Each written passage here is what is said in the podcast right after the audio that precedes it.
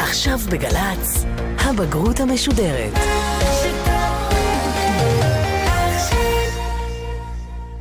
הבגרות המשודרת, גלי צה"ל ומיטב המורים בישראל מסייעים לכם להתכונן לבגרות. והפעם, סמל ראשון איתי ענבי והמורה פנינה בנג'י מתיכון שוהם מתכוננים לבגרות בהיסטוריה. הבגרות המשודרת בגל"צ, היסטוריה, שלום פנינה בנג'י. שלום ניתאי. מתיכון אה, שוהם, אנחנו מדברים היום על הפרק של בונים את מדינת ישראל במזרח התיכון ומתמקדים במלחמת ששת הימים. אבל לפני כן, שלושה דברים שצריכים לדעת. הראשון, תקופת ההמתנה. תקופת ההמתנה היא תקופה בת שלושה שבועות שמתחילה ב-15 למאי ומסתיימת ברביעי לשישי. היא תקופה שנוצרת בעקבות uh, כל מיני צעדים שעשה uh, נשיא מצרים, נאצר, ובעקבות הצעדים האלה מדינת ישראל נכנסת ללחץ, היא מגייסת גיוס מקיף של מילואים כל המילואימניקים מגויסים, הם עומדים בחזיתות וממתינים במשך שלושה שבועות, והציבור במדינת ישראל... כולו במתח. שתיים, הסכמי שביתת הנשק. הסכמי שביתת הנשק של ישראל מלווים אותם מ-1949, ממלחמת העצמאות. ההסכמים האלה נחתמו במטרה שהם יהוו בסיס לאיזשהו הסכם שלום, אבל עד 67, כמו שכולנו יודעים, לא קרה שום הסכם שלום. ההסכמים הללו לנו הם רלוונטיים בעיקר במובן של החזית מול סוריה. שלוש, תחושת אופוריה. תחושת אופוריה זה כינוי לרגש של תושבי מדינת ישראל וההנהגה והצבא במדינת ישראל אחרי מלחמת ששת הימים, מתקופת ההמתנה, הייאוש, הלחץ והפחד, לניצחון סוחף ומוחץ. וכשמגיעים לכך, אתה מרגיש תחושה של עליונות. והעליונות הזאת תוביל אותנו אחר כך לשאננות, והשאננות תוביל למחדל של מלחמת יום הכיפור. בואי נתחיל. מלחמת ששת הימים הייתה מלחמת בזק בין ישראל למצרים, סוריה וירדן שנמשכה? שישה איך... ימים. באמת? כן. בין חמישה לעשרה ביוני 67. מלחמה זו שינתה באופן דרמטי את פניו של המזרח התיכון. מבחינה צבאית זה היה ניצחון מזהיר של צה"ל, אבל מבחינה מדינית השפעותיה היו מורכבות יותר והביאו לשינויים רבים במדינה שניכרים בה עד היום. נתחיל עם הגורמים שהובילו למלחמת ששת הימים. קודם כל מדינות ערב. נכון, כבר מ-48 הם יצאו למלחמה במלחמת העצמאות במטרה לסלק מכאן את האויב הציוני מארץ ישראל. אחרי שהם הובסו במלחמת העצמאות, הם פשוט ממתינים לשעת כושר. הם מתחמשים, והם לא מסוגלים להשלים עם קיומה של מדינה ציונית ישראלית במזרח התיכון. לכן הם צריכים לשקם את הכבוד שלהם שנפגע, והם יחכו לסיבוב הבא. ובמיוחד מצרים, כי מצרים נוחלת עוד איזשהו כישלון מול ישראל. ב-1956, מלחמת סיני, ישראל כובשת את חצי האי סיני תוך זמן קצר מאוד. ולכן גם מצרים מעוניינת באותו מסע נקמה. ומהגבול הדרומי לגבול הצפוני, המתיחות בגבול ישראל-סוריה עולה מדרגה. הסכמי שביתת הנשק בין ישראל לסוריה היו ההסכמים האחרונים שנחתמו במלחמת העצמאות. מרוב שכבר כולם כנראה התעייפו בחתימתם, ההסכם הזה היה יותר אפור מאשר שחור או לבן. בהסכם הזה יש כמה בעיות. אחת מהבעיות הייתה בעצם השטחים המפורזים. שטחים מפורזים, כלומר שטחים שאין בהם נוכחות צבאית. נכון, אבל ישראל משום מה פירשה את השטחים המפורזים כשטחים תחת ריבונות שלה, זאת אומרת שהיא יכולה לגדל עליהם גידולים חקלאיים, היא יכולה להסתובב בהם, היא רק לא תכניס פנימה צבא. והשטחים האלה הם בגבול בין ישראל לבין סוריה, הם סביב הכנרת, באזור החולה, בעמק בית שאן.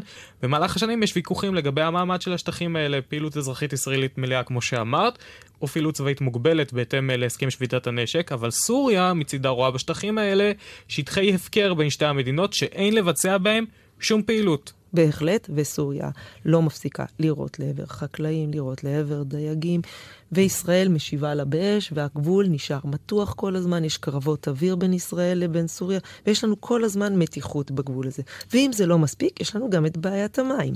בשנות ה-60 ישראל בונה את... המוביל הארצי. יפה, שאמור להוביל מים מנהר הירדן והכינרת אל הנגב. מדינות ערב לא מעוניינות שישראל תתעצם, שישראל תתפתח, שישראל תגדל ותצליח, והן מחליטות להטות את מי החצבני והבניאס על מנת שהם לא יזרמו לירדן. המקור של המוביל הארצי הוא מי הירדן, ואם המים לא יגיעו לירדן, לא יהיו מים במוביל הארצי. ישראל מזהה את העניין, ושוב פעם מתחילים חילופי ירי כבדים בין ישראל לבין סוריה, לאורך כל הניסיונות של סוריה להטות את מי הנערות הללו. כל הדברים האלה ביחד יוצרים לנו גבול מאוד לא שקט בין ישראל לסוריה. גבול שבאמצעותו כל הזמן יש מתיחות, כל הזמן יש ירי, כל הזמן יש פעילות מבצעית. ואם לא מספיק זה, אנחנו מוסיף את המרגל אלי כהן. אלי כהן, רב המרגלים שנתפס בסוריה. ועכשיו נעבור לקטע המידע. 60 שניות על תרומתו של אלי כהן לניצחון הצבאי הישראלי במלחמת ששת הימים. אלי כהן היה מרגל ישראלי שפעל בסוריה. הוא נולד במצרים, התגייס לאמ"ן, ולאחר מכן למוסד, שם בנו לו זהות חדשה של איש עסקים סורי שחי בבואנוס איירס. ב-1962 הגיע לסוריה כבן עובד השב למולדתו, והצליח להתברג בצמרת הממשל הסורי, דבר אשר סייע לו להגיע אל מידע רגיש בסוריה. המידע שסיפק לישראל היה יקר ערך. הוא דיווח על תוכניות סוריה לפגוע במוביל הארצי, וסייע לישראל לסכל את הטיית מקורות הירדן. בנוסף, כהן העביר צילומים שתיעדו בכירים סורים ליד הביצורים והבונקרים ברמת הגולן, ואף יעץ לסורים לטעת עצי אקליפטוס ליד מקומות אסטרטגיים, סימון מובהק למטרות עבור חיל האוויר הישראלי. כהן הכיר את חולשות הצבא הסורי, ומסר מידע שלפיו מטוסי המיג החדשים שסוריה קיבלה מברית המועצות אינם שמישים, שכן הטייסים הסורים אינם יודעים עדיין כיצד לתפעל אותם. המידע סייע לחיל האוויר הישראלי לפעול בחופשיות במלחמת ששת הימים. תרומתו לצה"ל במלחמת ששת הימים בחזית הסורית הייתה גדולה מאוד. כהן נתפס על ידי הסורים ב-1965. הוא עונה ונתלה בחוצות דמשק. גופתו לא הוחזרה לישראל, ומקום קבורתה לא ידוע. הסורים באמת מרגישים מושפלים מתפיסת אה, אלי כהן, שמהווה זרז גם הוא לפרוץ אה, מלחמת ששת הימים. מנגד, לא רק בשכנות שלנו יש אה, תסיסה, יש מעורבות של המעצמות, ברית המועצות וארצות הברית. השפעת המלחמה הקרה, שדיברנו עליה גם בתוכניות הקודמות, היא עדיין נוכחת גם אחרי הקמת המדינה. בהחלט, זו התקופה של בעצם המלחמה הקרה. ברית המועצות מסייעת לכל מיני מדינות ערב במזרח התיכון, היא מעוניינת לחזק את מעמדה ואת כוחה במזרח התיכון, ולגרום להסתלקות של מדינות פרו-מערביות. במקביל, ישראל זוכה לנשק ומתקרבת מארצות הברית. וברית המועצות מעוניינת שתיווצר פה איזושהי מתיחות, שתגדיל את כוחה במזרח התיכון באמצעותה. זאת אומרת, היא מעוניינת באיזשהו עימות, שבעקבותיו מדינות ערב בעצם ילכו אחריה, כחלק מהמלחמה הקרה. ואם נחזור שוב לאזור שלנו, לגבולות שלנו, נשיא מצרים, נאצר, רואה עצמו מנהיג העולם הערבי, לא פחות. אלא שבאמצע שנות ה-60 תופסת את השלטון בסוריה מפלגת הבעת', שהיא מאוד קיצונית, ולידה נראה נאצר כאחד שלא מעוניין במלחמה, והוא חייב להראות את עצמו כמי שרוצה במלחמה, ולכן הוא מתחיל לנקוט בצעדים. אחד הצעדים הראשונים זה הזרמת כוחות צבא לתוך חצי האי סיני, שזה בניגוד להסכמים שנחתמו אחרי מלחמת סיני. לאחר מכן הוא דורש מהאו"ם שהוצב שם מ-1956, ממלחמת סיני, לעזוב את סיני. ואם זה לא מספיק, הוא סוגר את מיצרי טיראן, שהם אמורים להישאר פתוחים בעקבות ההסכמים של 56. המיצרים האלה מאוד חשובים לכלכלת ישראל. נכון, הם סוגרים בעצם את נמל אילת. הם מונעים מנמל אילת להוות את השער הכלכלי של מדינת ישראל, השער הדרומי של מדינת ישראל. ואם זה לא כל הדברים האלה לא מספיקים, נאצר מופיע בתקשורת. ואומר לישראל בתקשורת המצרית, אם אתם מעוניינים במלחמה, אז אהלן וסהלן. המשפט הזה מכניס את הציבור הישראלי ללחץ עצום. מה שקודם הגדרנו תקופת ההמתנה. ואם כל זה שכבר הבנו את המתיחות שיש פה באזור לא מספיקה, אז החזית המזרחית שלנו גם מאוד מאוד מעניינת. בשנות ה-60, ב-64, קם ארגון אש"ף בהתחלה כארגון שהוא מנהיגות של הפלסטינאים הפליטים שברחו מארץ ישראל. הארגון לשחרור פלסטין. נכון, וב-1965 משתלט בארגון יאסר ערפאת הופך להיות המנהיג, ומאותו רגע הארגון הופך להיות גם ארגון טרור שמבצע פיגועים במדינת ישראל. מדינת ישראל לא עוברת על כך בשתיקה, ומתרחשות כל מיני פעולות תגמול, כשהגדולה שבהם היא הפעולה בכפר סמוע, שבעצם פעולה לאור יום, כלומר צה"ל לא מפחד, שיש בתוכה שילוב של כוחות כוחות חיל אוויר וחיל יבשה. כל הדברים האלה ביחד יוצרים חזית ירדנית חמה. הכפר הזה היה בדרום הר חברון, בשליטה ירדנית ב-66. נכון, והטרור נמשך, אבל אנחנו מדברים פה על חזיתות מתוחות. יש לנו חזית סורית חמה עם כל הזמן ירי, חזית מצרית שיש בה שליט שמאיים בלי הפסקה, וחזית ירדנית שיש פעילות ממנה של ארגוני טרור. כל זה מוביל אותנו למלחמת ששת הימים. חשוב לציין שבארץ באותה תקופה היה מיתון. משבר כלכלי עמוק. נסתיימו להם כל המפעלים הגדולים, אם זה בניית מפעלי ים המלח, אם זה נמל אשדוד, המפעלים האלה, המוביל הארצי, הסתיימו, הרבה אנשים נשארו מחוסרי עבודה, יש אבטלה ואפילו יש ירידה מהארץ. זה לא רק כל המשק מושבת, זה אנשים קנו לעצמם חלקות קבר, אנשים חימשו את הבתים שלהם, שמו שקי חול מסביב לבתים על מנת למנוע פגיעות של טילי אויב בביתם. כל הדברים האלה יוצרים בארץ תחושה מאוד מאוד קשה. נוסיף על כך את כל מה שאמרנו עד עכשיו, אנחנו רואים שתקופת ההמתנה היא תקופה באמת באמת מתוחה. ובמהלך התקופה הזאת, מדינת ישראל עושה המון על מנת לבדוק האם כדאי לצאת למלחמה, האם לא כדאי, האם להיות הראשונים במלחמה או לא, ובסופו של דבר מתקבלת ההחלטה לפתוח במלחמה.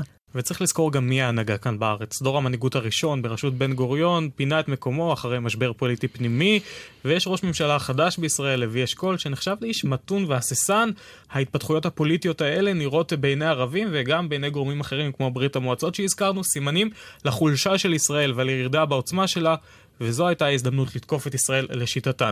נכון, ולוי אשכול מחליט לשאת נאום ברדיו על מנת להרגיע את הציבור הישראלי אה, מכל החששות שיש לציבור, ובנאום הזה, אה, שהוא מוכן מראש והוא כבר התכונן עליו מראש, מישהו משנה לו בהגעה כמה משפטים, והנאום שיוצא ברדיו ומשודר בשידור ישיר לאומה, הוא בעצם מגמגם. והגמגום שלו נתפס בעיני החברה כעוד יותר מלחיץ, החברה הישראלית בלחץ מאוד ממה שקורה, וכל הלחץ הזה גורם ללוי אשכול למנות את משה דיין. דיין לתפקיד שר הביטחון רגע לפני שמתחילה מלחמת ששת הימים. ברגע זה נתקבלה הפקודה לפתוח את כל רשתות האלחוט. זהו סימן להתחלת הקרב, וזהו ציון לכך שמטוסי חיל האוויר פתחו בהתקפתם. כאן 40, נוע, נוע במהירות והשמד כל מה שניתן בציר, עבור. משעות הבוקר המוקדמות של היום מתחוללים קרבות עזים בין כוחות אוויר ושריון מצריים שנעו לעבר ישראל לבין כוחותינו שיצאו לבלום אותם. מלחמת ששת הימים מתחילה בחמישי לשישי לאור בוקר במבצע מוקד, שהוא מבצע צבאי מזהיר של חיל האוויר.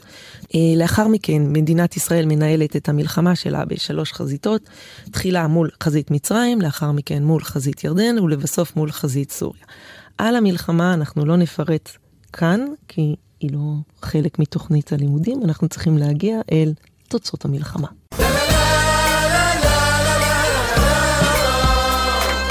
נחלק את מה שקרה אחרי המלחמה לשני חלקים, התוצאות שקרו בטווח המיידי וההשפעות בטווח הרחב. אז איך נראית ישראל שישה ימים אחרי? וואו, ישראל שישה ימים אחרי נראית הרבה יותר גדולה, פי שלושה.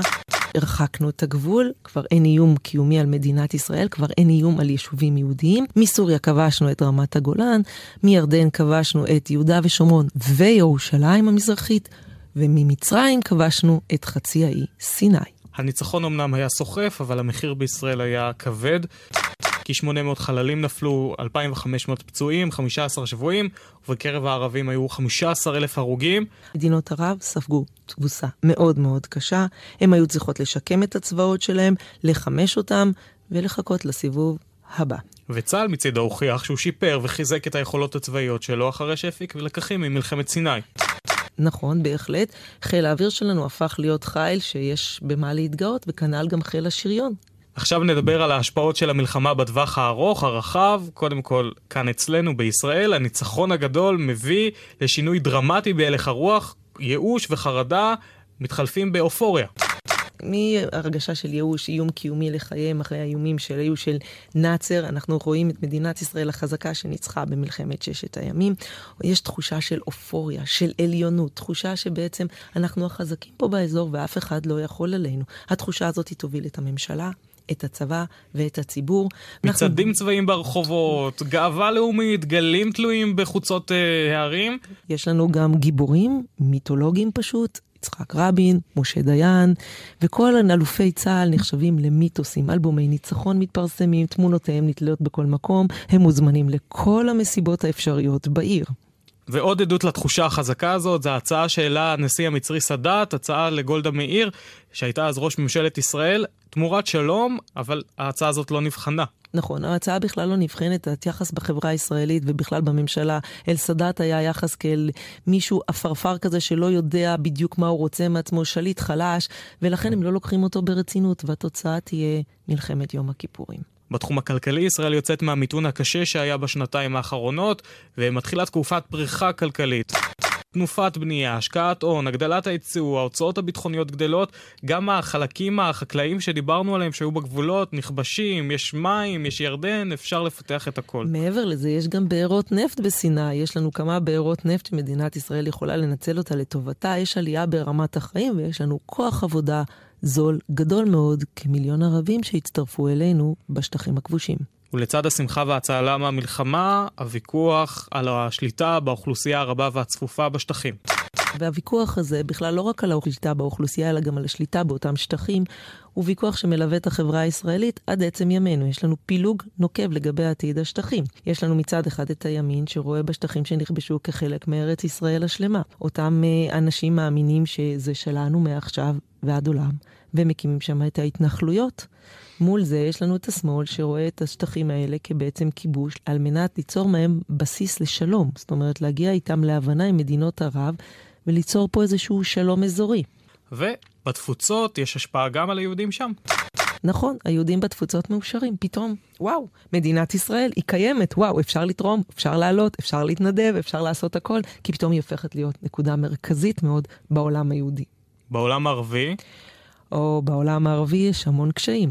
כבר לספטמבר 1967 התכנסת ועידה בחרטום שבסודאן, ובוועידה הזאת מתקבלת ההחלטה של שלושת הלאווים. לא לשלום עם ישראל, לא להכרה בישראל ולא למשא ומתן עם ישראל. העולם הערבי פסק, אנחנו מתרחקים מישראל. לא רוצים אותה פה איתנו לידינו. נקמה. נקמה זו עוד הכנה לנקמה, כן? הכנה לנקמה מתחילה עכשיו. מדינות ערב, במיוחד מצרים וסוריה, שספגו תבוסה קשה מאוד, הן מתחילות להתחמש, הן מתחילות להתחזק, והן מחכות לישראל לסיבוב הבא. במצרים הזכרנו קודם את נאצר, שראה עצמו מנהיג העולם הערבי, הנזק התדמיתי גדול. מאוד. הוא מאבד את יוקרתו, הוא מאבד את כוחו, וב-1969, במהלך מלחמת ההתשה, הוא בעצם נפטר, כנראה בגלל כל התחושות הקשות שלו מהתבוסה. ירדן סופגת גם היא מכה קשה ביותר במלחמה. הצבא הירדני מאבד מחצית מהכוח שלו, 350 אלף פליטים בורחים לירדן מהשטחים אה, שכבשה ישראל. הנזק העיקרי היה אובדן הגדה המערבית, שבה התגוררו ערב המלחמה כמחצית מהתושבים של ירדן. הגדה המערבית הייתה 7% בלבד משטח ירדן, אבל תרמה כ-40% מן התוצר הירדני, והייתה המקור ל-90% מהכנסות המדינה במטבע חוץ, כלומר שטח מאוד מאוד קטן שהיה אחראי ומושפיע על כל הממלכה. בהחלט. זה שטח משפיע על הממלכה, ומה גם שאיבדה את השליטה על ירושלים, שמאז ועד היום היא לא בעצם מבקשת להחזיר לעצמה את אותה שליטה. חוסיין, אה, מלך ירדן, רואה באובדן הזה כישלון אישי צורב. הוא רואה בזה כישלון אישי, ומכאן אני חושבת שהוא מתחיל אה, לגשש את דרכו לכיוון הסכמי שלום עם ישראל. אם כי בהתחלה הוא סתם עומד מהצד, אבל לאט לאט זה יתקדם אל הסכמי השלום. שיחתמו לימים. ב-94. סוריה מאבדת את אה, רמת הגולן, ואחרי המלחמה היא דוחה את החלטת האו"ם 242 שקוראת לישראל לסגת מן השטחים במסגרת הסכמי השלום. היא אף מסרבת לשתף פעולה עם שליח האו"ם. נכון, וב-1973 היא מסייעת למצרים במלחמת יום הכיפורים, היא תוקפת בחזית הסורית. ויש השפעה גם על הפלסטינאים. בשטחים שישראל כבשה חיים למעלה ממיליון פלסטינאים. אותם אנשים הם בעצם אה, נשלטים על ידי צבא, וגם מדינת ישראל, זו פעם ראשונה, היא לא יודעת כיצד להתמודד איתם. בתקופה הראשונה בעצם יש לנו מה שנקרא ממשל צבאי, ולאט לאט אה, מדינת ישראל בעצם אה, מנסה לפנות את דרכה לכיוון מערכת אזרחית שתשלוט שם. באזורים הללו יקומו גופי טרור, שילכו ויתחזקו במהלך השנים, ויתקפו את ישראל בארץ ובעולם. אחד הסיפורים היותר מוכרים זה רצח 11 הספורטאים באולימפיאדה במינכן. כן, בהחלט. רצח הספורטאים במינכן מתבצע על ידי ארגון ספטמבר השחור, שהוא ארגון שקם בירדן אחרי מלחמת ששת הימים. האנשים שחברו לארגון הזה זה כל מיני פליטים שברחו מארץ ישראל. עכשיו נעבור למישור הבינלאומי. מועצת הביטחון של האו"ם מקבלת ב-22 בנובמבר 67 חמישה חודשים אחרי המלחמה, את החלטה 242, דיברנו עליה בקצרה. ההחלטה הזאת מציגה עקרונות לפתרון הסכסוך בין ישראל לשכנותיה ולהשכנת שלום ביניהן. מועצת הביטחון קובעת שהיא דוחה השגת שטחים באמצעות מלחמה ודורשת נסיגה של הכוחות הישראלים, ביטול מצב המלחמה, חופש שיט והבהירה את הצורך בפתרון בעיית הפליטים. השינויים שאחרים הם שינויים במעמדה של ישראל בעולם. ישראל הפכה להיות בעצם אחת מהמדינות החזקות במזרח התיכון. קטנה אבל חזקה, הקשרים שלה עם ארצות הברית מתהדקים. ארצות הברית הופכת להיות ספקית הנשק העיקרית של ישראל. היא מתרחקת מצרפת, שהייתה זו שקודם היא סיפקה לה את הנשק, היא מתרחקת ממנה כבר מ-56, אבל עכשיו הקרע הוא מאוד מאוד גדול, מכיוון שצרפת מצטרפת למדינות ערב ותומכת בהן יותר. במקביל מנותקים היחסים עם ברית המועצות, גרורותיה, המדינות שנשלטו על ידי אה, ברית המועצות במלחמה הקרה. כל הזמן צריכים לחזור אל ה... למלחמה הקרה בהחלט. הנפגעת גם היוקרה של ברית המועצות במלחמה הזאת, מפני שהנשק שלחמו בו סוריה ומצרים היה נשק מתוצרת ברית המועצות. היא הייתה ספקית הנשק שלה. היא... היועצים הצבאיים היו יועצים רוסים, ובעצם בסופו של דבר ישראל ניצחה באמצעות נשק אמריקאי. אז מה היה לנו היום?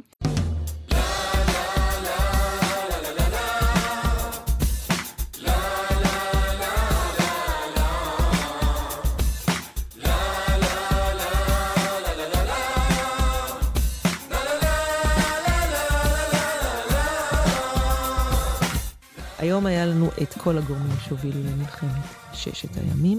דיברנו על גורמים בצד הסורי, דיברנו על גורמים בצד הירדני, דיברנו על גורמים בצד המצרי, על בעיות של המלחמה הקרה, ודיברנו על כל מדינות ערב ככלל, על כמה שהן לא רוצות את האויב הציוני בארץ ישראל.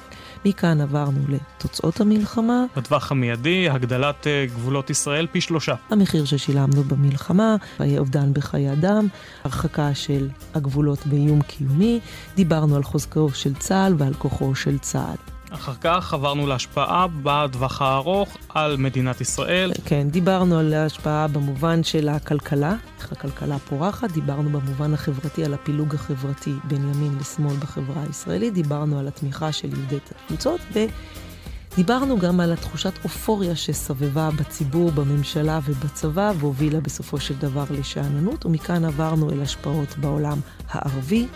על ההשפלה, על שלושת הלאווים שהתקבלו בוועידת חרטום שבסודאן, על מצרים אה, שהיוקרה של נאצר נפגעה, על ירדן שצריכה לשקם את הצבא, ומכאן עברנו למישור הבינלאומי. עד כאן הבגרות המשודרת בהיסטוריה, תודה פנינה. תודה ניתאי. ותודה לטכנאי ההקלטה יואב כהן וליוני קדם ואנשי ארכיון גל"צ. עד כאן הבגרות המשודרת בהיסטוריה. אפשר להאזין לעוד פרקים בהיסטוריה ולתוכניות במקצועות נוספים באתר גל"צ, ביוטיוב וביישומון גל"צ גלגלצ. אם אתם רוצים להיות בטוחים שלמדתם את השיעור כמו שצריך, אתם מוזמנים לענות על השאלון באתר שלנו. מכולנו כאן הצלחה בבחינה, להתראות.